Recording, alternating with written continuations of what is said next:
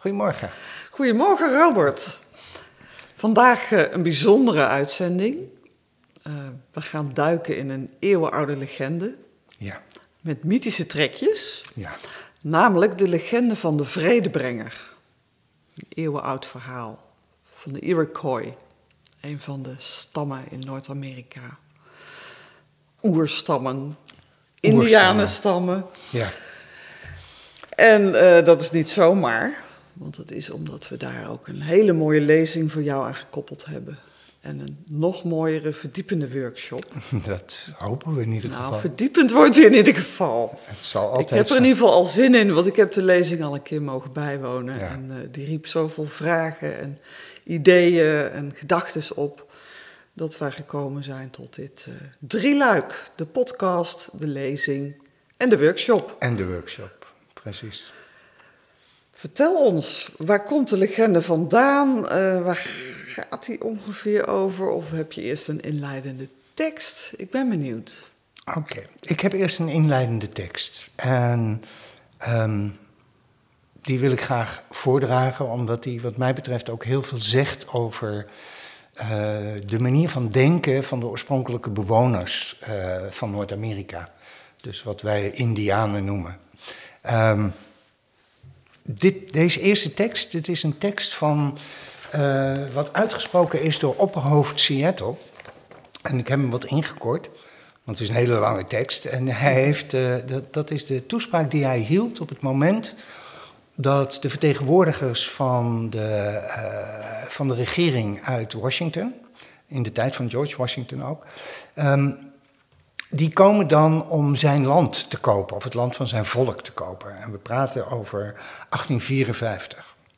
En als die vertegenwoordigers daar dan zitten, dan vertelt hij, of dan zegt hij, het grote en naar ik aanneem ook goede, blanke opperhoofd laat weten dat hij ons land wil kopen. Maar hij is bereid om ons genoeg te laten om comfortabel op te leven. Maar hoe kun je het land bezitten? Wij zijn een deel van deze aarde en de aarde een deel van ons. Geurende bloemen onze zusters, het hert, het paard, de grote adelaars onze broeders. De schuimkoppen in de rivier, het sap van de bomen, het zweet van de pony en van de mens. Het is allemaal van hetzelfde geslacht. Het land is de as van onze voorouders, heilig, terwijl jullie er in onverschilligheid overheen trekken. Als zwervelingen laten jullie de herinnering en de geschiedenis van jullie voorouders achter je, alsof het je niets kan schelen. Jullie geloof, jullie geloof werd geschreven op stenen tafels door de ijzeren vinger van een wraakzuchtige God. Mochten jullie het anders ooit vergeten? De rode man heeft dat nooit kunnen begrijpen. Ons geloof bestaat uit de herinneringen en geschiedenis van wie voor ons kwamen. Geschreven in het land en in alles wat leeft. In de dromen van de wijze ouderen, gezonden door de grote geest. In de visioenen van de sachems. Het staat geschreven in de harten van ons volk. Elk deel van deze aarde is heilig voor mijn volk. Elke helling, elke vallei, elke open plek en elk bos is geheiligd door de herinneringen en ervaringen van ons volk. Zelfs de stenen langs de kustlijn zijn luid met de gebeurtenissen en herinneringen van mijn volk. Ons volk was eens groot en machtig, en nu? Maar waarom zou ik de ondergang van mijn volk betreuren? Volkeren bestaan uit personen, niets meer. En mensen komen en gaan als golven op de zee. Een traan, een kort gebed, een dodenzang. En ze zijn voor altijd verdwenen. Zelfs de blanke man wordt, ondanks zijn overtuiging van zijn grootheid, niet ontheven van dit gemeenschappelijke lot. Misschien zijn we uiteindelijk toch broeders. We zullen zien. En ik merk dat ik het uitspreek dat het me ook raakt. Ja, mij ook. Ja. Ja. Wat Omdat we- raakt jou? Nou ja, Ja. omdat we weten wat daarna gebeurd is. We weten hoe de, de oorspronkelijke bewoners van Amerika er op dit moment voor een groot deel aan toe zijn in Amerika. En hoe, hoe we in een wereld leven waarin nog steeds een onderscheid wordt gemaakt door, tussen primitieve volkeren en wij geciviliseerde blanken. En natuurlijk weten we een heleboel. En natuurlijk uh, praten we erover. En natuurlijk zijn we ermee bezig. Dus het is niet dat we ons onbewust zijn van, van de geschiedenis. En toch, het gebeurt nog steeds. Het onderscheid wordt nog steeds gemaakt. Mhm. En wat mij dan hier heel erg in raakt is ja, de diepe wijsheid van, van het onderdeel zijn van een universum. Het onderdeel zijn van iets wat veel groter is dan, dan het materialistische, kapitalistische, economische bestaan uh, van de wereld waarin wij het grootste deel van onze tijd toch doorbrengen. Ook in, in onze gedachten, in, in de manier hoe we leven, in de manier hoe we met elkaar omgaan. Uh, we, we, zien ook in deze tijd weer van, van hoe, hoe, hoe, in zo'n oorlog de, de, de wereld zich weer helemaal splitst in, in wij en zij. En, mhm. en um, hoe er weer ideeën uh, aan de lopende band gegooid worden over die zijn goed en die zijn fout bezig. Uh, waarbij we democratie dan als een heel hoog en groot goed zien, maar niet meer durven twijfelen aan of die democratie waar wij dan in leven, of die wel zo democratisch is. En of die wel zoveel ruimte laat voor de andere mening, voor de andere opvatting, voor het andere manier van leven, voor een andere manier van zijn. Waarmee ik niet goed wil praten dat het, dat het oké zou zijn om, om een ander volk aan te vallen. Maar, nou ja, misschien begrijp je wel wat ik bedoel. Absoluut, ja. Ja, wat mij ook raakte was die laat, een van de laatste zinnen over de, de rode man en de witte man. Eh, laten we als broeders en zusters. Ja. Dat sluit ook een beetje aan op jouw verhaal. Ja. We zijn niet zo wezenlijk anders. En, in wezen We zijn gewoon niet anders. We zijn gewoon niet anders. we zijn niet anders. Dan heb je het nog over mensen onder elkaar. Maar dan haalt hij natuurlijk ook nog de kosmos of de natuur, de, de dingen erbij. Ja. Ja, en, en we zijn natuurlijk, in onze essentie zijn we niet anders. Nee. En je kan zeggen dat, dat veel van de, van de uh, oorspronkelijke bewoners, of het nou over de Aboriginals gaat, over de Maori, over uh, de, de, Native Americans, de, de Indianen. Um, zij hebben een soort besef van, van en respect mm -hmm. Van, um, moet ik dat zeggen, kan je buigen voor het grotere waar we deel aan zijn. kan, kan ik met, met, met uh, kan ik naar de wereld, naar de natuur, naar, naar het universum, de kosmos kijken en mij realiseren mijn eigen nietigheid? Of blijf ik in, in, in wat, wat wij van kinds af aan veel meer meekrijgen, um, blijf ik de hele tijd bezig dat ik een verbeter mezelf project ben. Dat er iets zou zijn als een ideale ik, een ideale persoon. Uh, waarbij ik me dus altijd afzet tegen de ander, ik en de ander. Um, ik doe het goed, ik doe het beter, ik mhm. ben geslaagd, uh, ik ben nog niet geslaagd, ja. ik, ik, uh, ik, heb gefaald, ik moet nog zoveel. als ik nou maar dit of als ik nou maar dat. Maar in het licht van, van het universele, in het licht van het grote, ja, ben ik natuurlijk maar een vliegenpoepje in tijd en ruimte. Ja. Maar in mijn eigen gedachten ben ik groot. En, en het verlies van dat besef van, hoe, van mijn eigen nietigheid, van mijn eigen zijn in een veel grotere context, dat is een verlies als ik dat niet, niet meer realiseer. En ik denk dat, dat, dat de, de oorspronkelijke bewoners van, van verschillende landen dat besef nog veel meer hebben. En dat is niet alleen um, de, dat, dat, wat vaak beschreven wordt, de primitieve geest, die natuurlijk nog zoveel dingen niet wist wat de wetenschap ons nu gebracht heeft, en dus ja niet anders kon kijken naar het mysterie wat de natuur is. Uh, als je heel goed gaat luisteren en heel goed, uh, zeker moderne schrijvers van, van uh, uh, van oorspronkelijke bewoners, dan, dan lees je dat het eigenlijk ten alle tijde altijd veel verder is gegaan dan alleen maar van, oh jee, we hebben een God nodig, want anders kunnen we, kunnen we de donder en de bliksem niet uitleggen. Het gaat veel dieper, het gaat veel dieper over de verbinding, over het samen. En langzaam maar zeker worden we ons dat denk ik ook wel bewust. En wat ik dan bedoel is van, we kunnen namelijk niet langer de natuur uithollen, want het wordt onze ondergang. Dus het besef dat de natuur in mij en buiten mij is, ik ben niet anders dan de natuur, kan ons helpen in de transitie die nu nodig is, willen we deze aardeplaneet en dus onszelf op een of andere manier in een nieuwe vorm gestalte geven. Dat is nodig. En ik denk dat we iets te leren hebben van oorspronkelijke bewoners. Ja. Van primitieven, tussen aanhalingstekens. De primitieven, rode mensen. De rode mensen. Ja, en, ja dat, dat, dat, dat denk ik ook.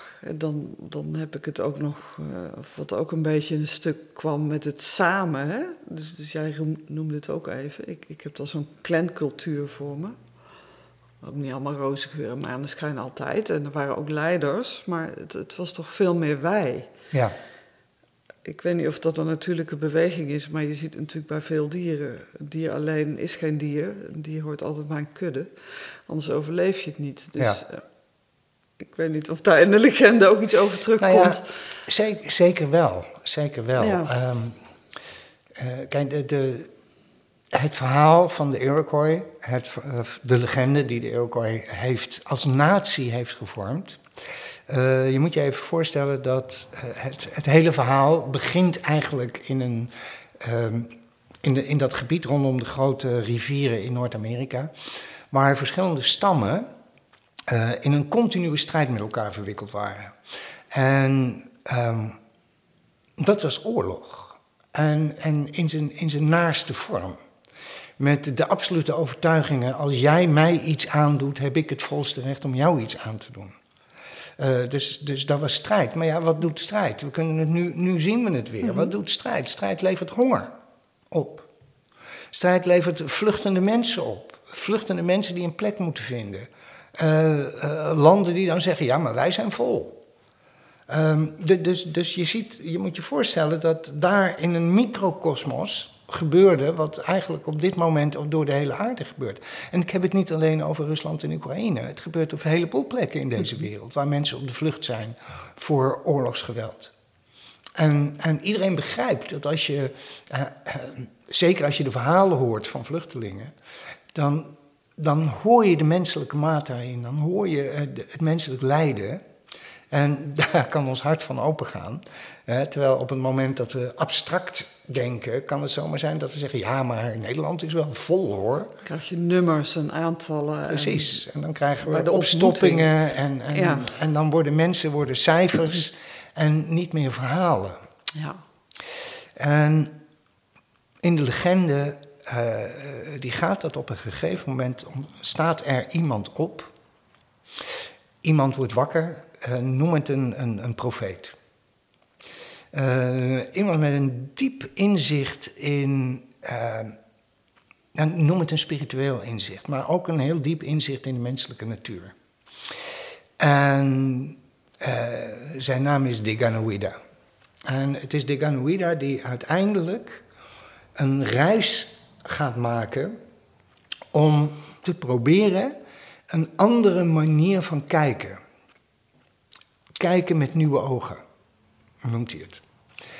En centraal daarin staat, zou je kunnen zeggen, mensen, word weer wakker in het feit dat je niet alleen met je stam of met je familie bent.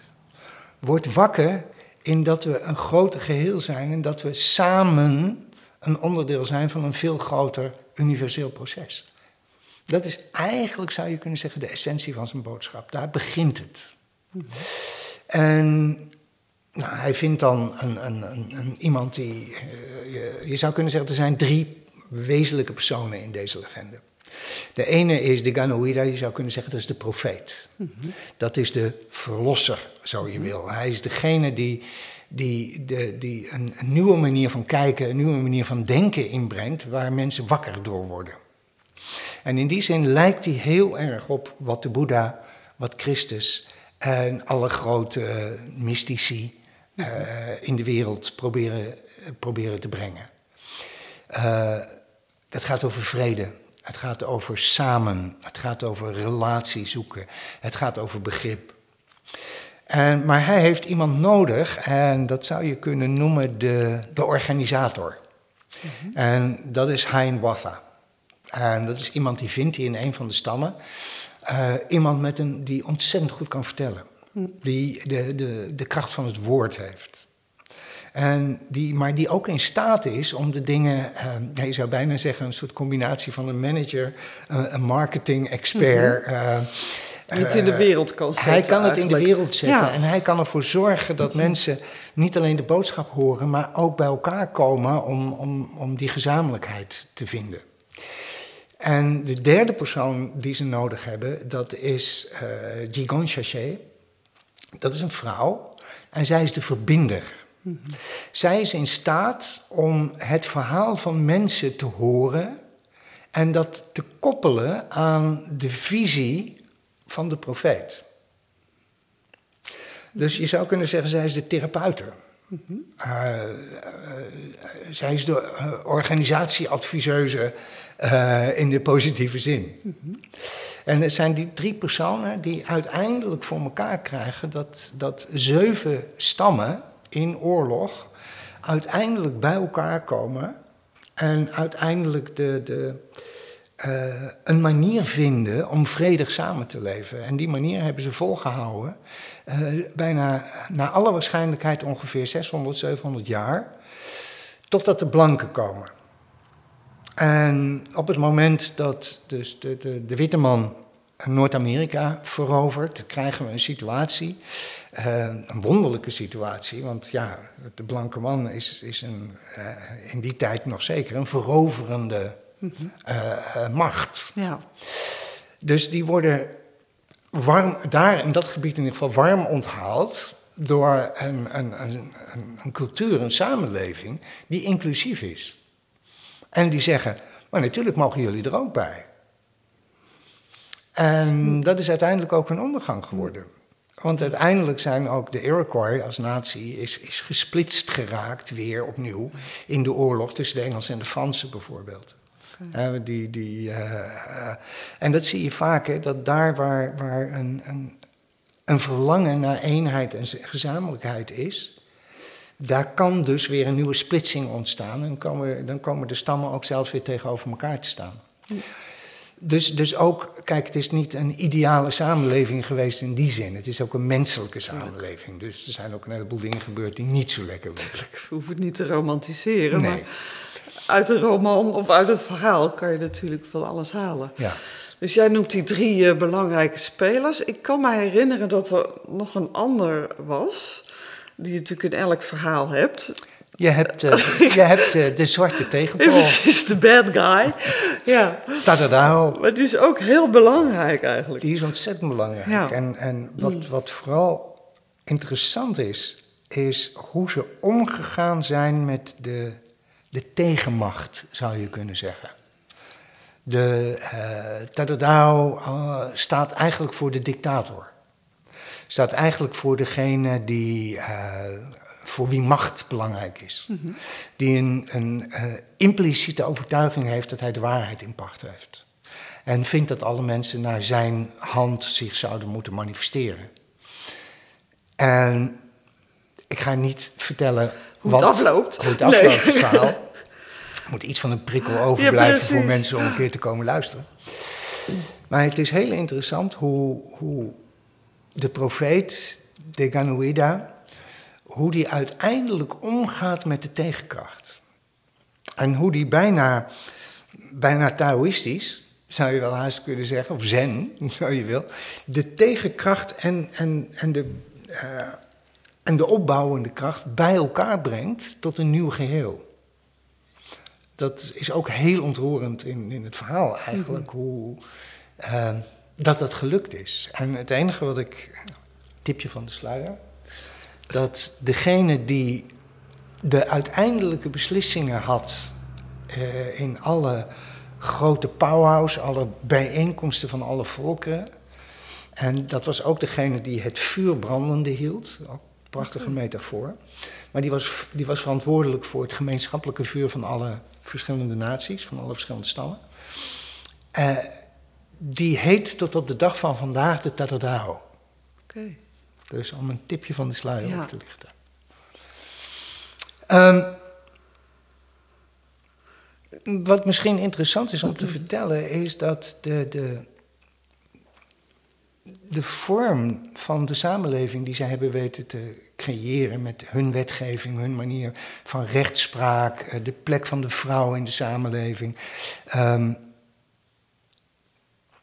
dat was zo democratisch dat uh, Benjamin Franklin, uh, die onderdeel was van, hoe, van het opstellen van de, de, de Republiek van Amerika, de, grond, de grondwet. Mm -hmm.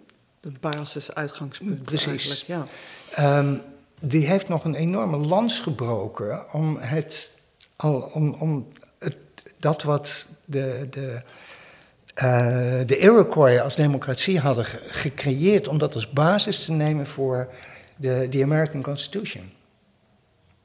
Uiteindelijk is het afgewezen ter faveur van de, de, uh, de vergelijking met de Franse Revolutie.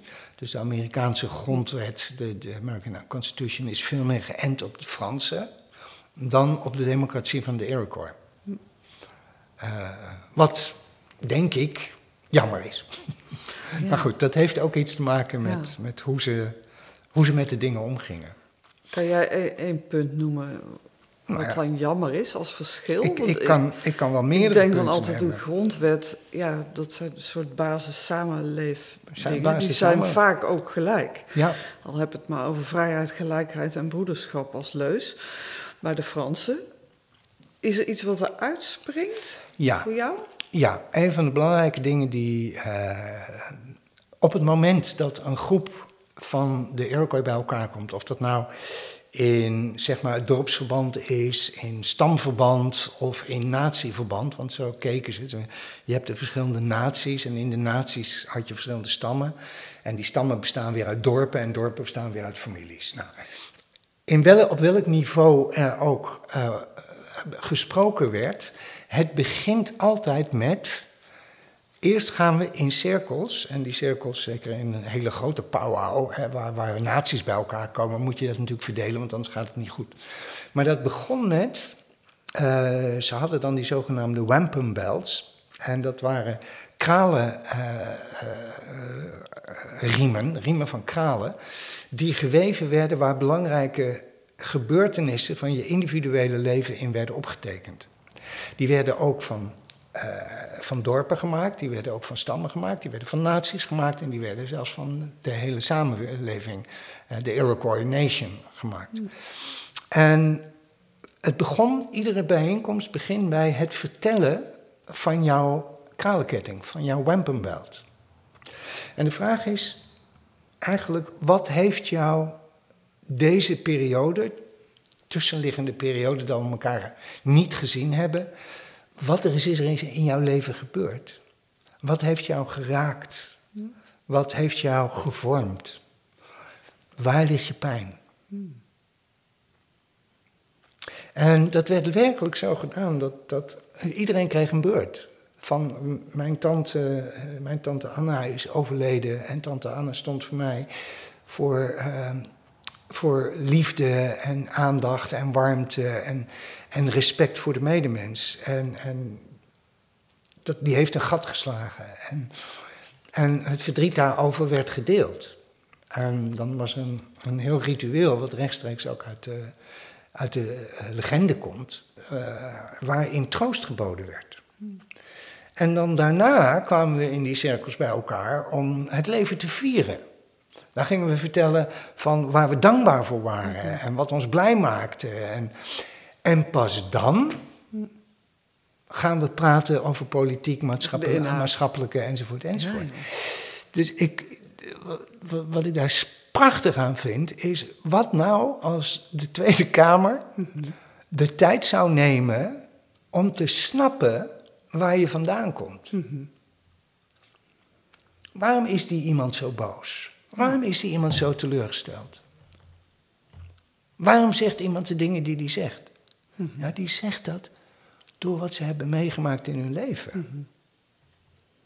Maar daar is geen plaats voor in de westerse politiek. Tot nu toe niet. Tot nu toe niet. Nee, maar dat is heel mooi wat je zegt. En, en dat kunnen wij ook natuurlijk in onze eigen kamers doen. En dat is ook heel belangrijk. Ja, zelfs misschien Als- met vrienden of eh, er wordt Nou zo gauw overheen gepraat. Als, we, als, we, als je bedenkt dat in, psycho, in psychosynthese bijeenkomsten doen we het wel heel We vaak. doen het absoluut. Hoe is het met je? Tuurlijk. Zullen we even een rondje maken hoe iedereen hier zit? Ja, Want als ik weet hoe jij hier zit, ja. weet ik ook vanuit, welk, vanuit welke hoek jij komt met je vragen, je teleurstelling, eh, eh, wat dan ook. Dus ja, daar, Ja. Is, en daar, daar is iets voor te is zeggen. wat te winnen. Ja, er is Ja. iets te winnen. Met je wamponbelt. Wampum. Wampum. Ik zei even aan wapenbelt. Ja, Maar is nee, dat was het dus juist dat niet. was het dus juist niet. was het dus juist Veel niet. belangrijker. Ja. Eigenlijk de zachte wapens. Ja. De, de, de, binnenkant. Ja. Prachtig. En, en als er op een bijeenkomst, hè, zeker bij zo'n grote bijeenkomst als de, de eh, één keer in de, ik geloof één keer in de twee jaar kwam de hele natie bij elkaar. Het kon zijn, heel veel mensen kon ook zijn dat alleen de afgevaardigden kwamen. Het punt alleen is, geweldig, je mag altijd komen. Want ook jouw stem geldt. Dus ja, je kunt je afgevaardigden sturen. Hè? En dan is de grote powwow één keer in de twee, twee of vier jaar is wat beperkter qua mensen. Maar ja, als iemand van een gezin zegt, nou, eigenlijk wil ik ook wel eens luisteren hoe dat gaat. En dan werd je als volwaardig lid meegenomen. Dus het was niet zo van, ja, maar jouw ge- afgevaardigde staat hier, dan had je die maar moeten vertellen. Nee, jij komt ook op eigen, op eigen toestemming. Eigen verantwoordelijkheid Eigen ook. verantwoordelijkheid. Ja, en, en de kans om die te uiten of te, te zijn of wat dan ook. Ergens in de jaren 80, vorige eeuw, was er vanuit de Verenigde Naties een bijeenkomst ehm, over alle verschillende religies die er in de wereld waren. En eh, dus de afgevaardigden, zoals de Dalai Lama, ja, noem ze maar op, die, die, die waren allemaal naar New York gekomen eh, om daar met elkaar te praten over eh, de controverses, maar ook over de gemeenschappelijkheid en, en natuurlijk Verenigde Naties. Het gaat over gehoord worden en, en nou, enzovoort. Maar toen zaten ze een beetje met, ja, maar wat doen we nou bijvoorbeeld met de Native Americans? Eh, Wat doen we met eh, onze mensen? Nou, dus toen waren ze wat van die, eh, van die indianenorganisaties gaan aanschrijven. Nou, die hadden op een gegeven moment zoiets van, nou, wij kunnen wel een afvaardiging sturen. Dus die hadden een afvaardiging gestuurd. Maar wat gebeurde er nou?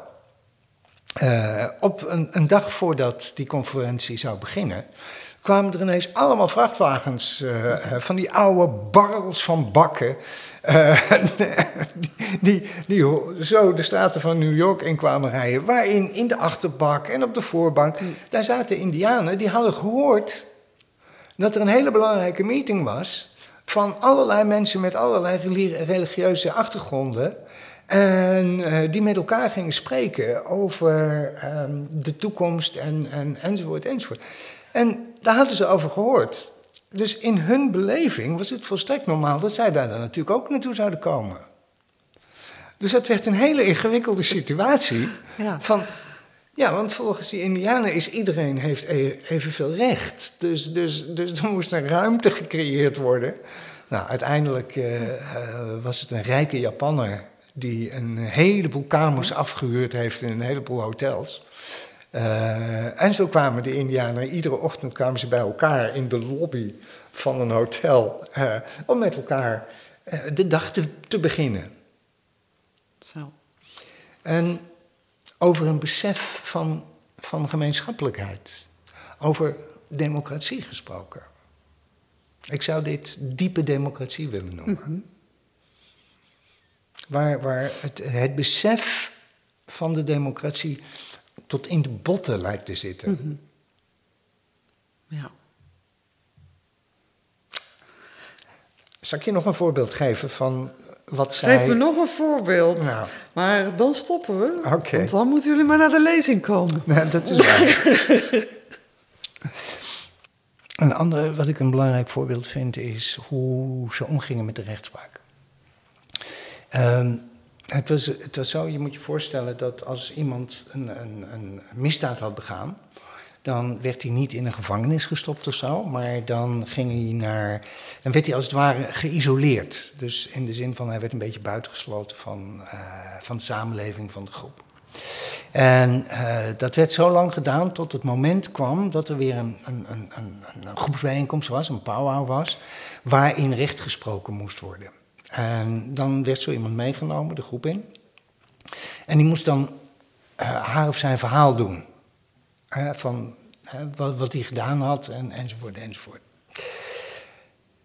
En dan, werd, dan was de vraag, kan er iemand gevonden worden in de groep luisteraars die voldoende compassie kan opbrengen voor degene die de fout begaan heeft, de misdadiger noemen, ehm, die begrip op kan brengen. En dat betekent niet begrip opbrengen, eh, het gaat over compassie. Het gaat over iets in mij, kan mij voorstellen dat je zo ver gekomen bent om dit te gaan doen. En die persoon die dat kon opbrengen, die werd als het ware de advocaat. Die moest als het ware, die werd de verdediger, die werd de woordvoerder namens degene die de misdaad had begaan. Dus, dus realiseer even van, hier gaat de rechtspraak dus niet over regeltjes. Het is niet de advocaat die de regeltjes gaat aanvechten en de gaatjes in de wet probeert te vinden. Nee, hier is de advocaat iemand die meeleeft. En die woorden geeft en probeert de anderen te laten snappen dat er motieven zitten achter, achter het gedrag. En natuurlijk werd er dan recht gesproken en natuurlijk werden er straffen uh, uitgevoerd. Maar je moet je wel voorstellen, die straffen die waren niet... De doodstraf bestond niet, uh, mutilatie bestond niet. Meestal was het of verbanning of uitsluiting. En bij uitsluiting moet je je dan voorstellen dat ja, iemand gewoon genegeerd werd. Maar dat altijd voor een periode. Zelfs verbanning was voor, over het algemeen voor een periode. Dus mensen hadden altijd weer het recht om terug te komen. En als laatste wil ik het toch even noemen, dat is hoe ze omgingen met de vrouwen. Ja. Ze hadden, uh, het was zo hiërarchisch gesproken, zou je kunnen zeggen, ze hadden dan te maken met, met de opperhoofden en uh, de war chiefs. War chief klinkt alsof ze toch nog steeds altijd in oorlog waren, maar je, je kan ze beter zien als een soort politie. Dus dit waren degenen die in de gaten hielden van... Uh, houden die jongeren zich nog wel een beetje aan de regels... die hun met elkaar afgesproken hadden... en zo niet moeten ze terecht gewezen worden. Dus de war chiefs en de, de die werden uh, gekozen door de vrouwen. Maar als de vrouwen, die ook in cirkels apart bij elkaar kwamen... net als dat de, de raad van, van oude mannen bij elkaar kwamen. Zo kwamen ook de raad van de moeders en uh, de grootmoeders bij elkaar. En als die het niet eens waren met de beslissing die een, uh, een, war chief of een, uh, een, een, een chief had gemaakt, dan konden ze die gewoon ontslaan. Dus, dus wat, wat ik interessant vind is hier hoe dat de, de, de balans van macht Uh, anders geregeld is dan, dan wij die zouden kennen. Het was ook niet een patriarchale samenleving, ook niet helemaal een matriarchale samenleving. Ze hadden een diep besef van dat, dat de aarde, noemen ze ook de moeder, onze moeder, die draagt ons en de grote geest waakt over ons. Hoewel de grote geest nooit als man beschreven werd. Dus dat, dat, ja, dat geeft wel iets aan over hoe ze daarnaar keken. Misschien ook het mannelijke en vrouwelijke principe meer dan. Ja. Hè? De, ik zie jouw handen ook dat het zo bij elkaar ja, ja, ja. komt. Dat het zo bij elkaar komt. Ja. Ja. mooi. Past ook natuurlijk in onze psychosynthese, de holistische visie enzovoort. Ja. Wijsheid. Oude wijsheid. Oude wijsheid. Ja. Dat is ook wat wat, dat, wat het mij ten diepste gebracht heeft. Is, is de wijsheid van ehm, het besef dat we niet een afgesloten of afgescheiden individu in, in een samenleving zijn. Eh, de wijsheid dat we een onderdeel uitmaken van iets wat zoveel groter is dan wij. Ehm, en daarin ontroert de, de, de legende mij ook. In de zin van dat, dat het, het heeft mij een, een andere kijk op, op mijzelf, op mijn plek in de wereld, op mijn plek in het universum. Maar ook in, in de actieve zin. Van, van, maar hoe, hoe wil ik dan, als ik mij dit meer bewust ben, hoe wil ik dan in deze wereld zijn? Dus ja, ik hoop altijd nog steeds, en dat is ook wel wat ik altijd weer teruggehad gekregen heb als ik de legende vertelde. Ik hoop dat, dat, dat er een soort besef ontstaat in de, de luisteraar, wat ook een verandering teweeg kan brengen. Ja. En, en daarmee denk ik dan aan, aan, aan, ja, we kunnen naar de wereld kijken die in brand staat en alles wat er aan de hand is met een blik van, nou ja, ja, dat is nou eenmaal zo. En uh, uh, ik moet weer gewoon naar mijn werken voor mijn kinderen zorgen. Business as usual. Uh, het zal mijn tijd wel uitduren. Mm -hmm. Of ik kan naar de wereld kijken en zeggen van het is werkelijk pijnlijk wat er gebeurt. Maar ja, ik weet ook niet wat ik eraan kan doen. En ze zullen wel met oplossingen komen. Of, en dat is denk ik, dat ligt meer in de lijn van, van waar deze legende over gaat. Of we kunnen kijken naar, maar die pijn van de wereld die in brand staat, die is wezenlijk en die voel ik ook wezenlijk in mijzelf. En, en de wanhoop en het onvermogen voel ik ook wezenlijk in mezelf. Ben ik bereid om daar werkelijk naar te kijken?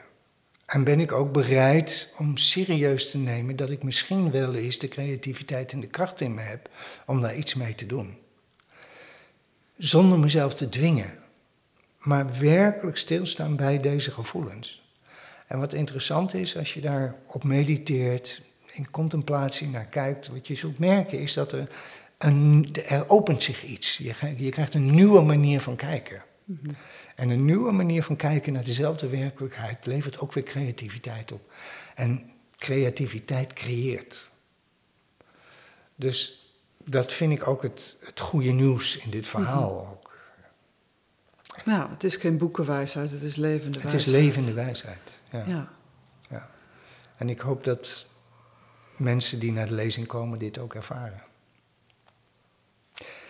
Zal ik afsluiten met nog een gedicht of een verhaal? Ja? Sluit jij eens af met een mooi verhaal. Okay.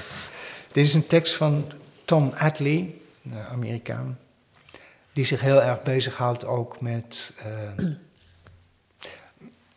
met de aarde, met het milieu, met de samenlevingen op deze aarde. En die zegt, als je handelt vanuit iets wat groter is dan jezelf, ga je ervaren dat het door jou heen handelt. Met een kracht die groter is dan jijzelf. Dat is genade. Vandaag, als we risico's durven nemen voor iets groters dan ons afgescheiden individuele bestaan, dan voelen we ons begenadigd. Door andere wezens en door Moeder Aarde zelf. Zij met wie en voor wie wij in actie gekomen zijn, geven ons kracht en welbespraaktheid en ook uithoudingsvermogen, waarvan wij het bestaan niet vermoeden. We hebben dat te ervaren en te herinneren dat we gevoed worden door elkaar in het web van het leven. Onze wezenlijke kracht komt als een gift, als genade, omdat het in werkelijkheid wordt gedragen door anderen. Als we oefenen om ons te laten leiden door de wijsheid en schoonheid en kracht van onze medemensen en medewezens, kunnen we iedere situatie aan in vertrouwen. Dat de noodzakelijke moed, wijsheid en creativiteit die vereist is, zal worden ontvangen. Nou, het zijn woorden die resoneren. Dat is ook waarom wij dit zo graag ja, in de wereld willen brengen, doen. Uh, beleven. En eh, ik nodig je dus ook van harte uit om daarbij aanwezig te zijn. 24 mei is de lezing. Komt allemaal nog in de tekst bij deze podcast. En 1 en 2 juli gaan we de verdieping in, in de workshop. In de lezing gaan we ook de verdieping in. Ja. Op een andere manier, maar nog meer. En samen, want dat vond ik ook weer uit de woorden klinken die jij net oplas. Samen komen we verder. En eh, ja, samen met de Iroquois.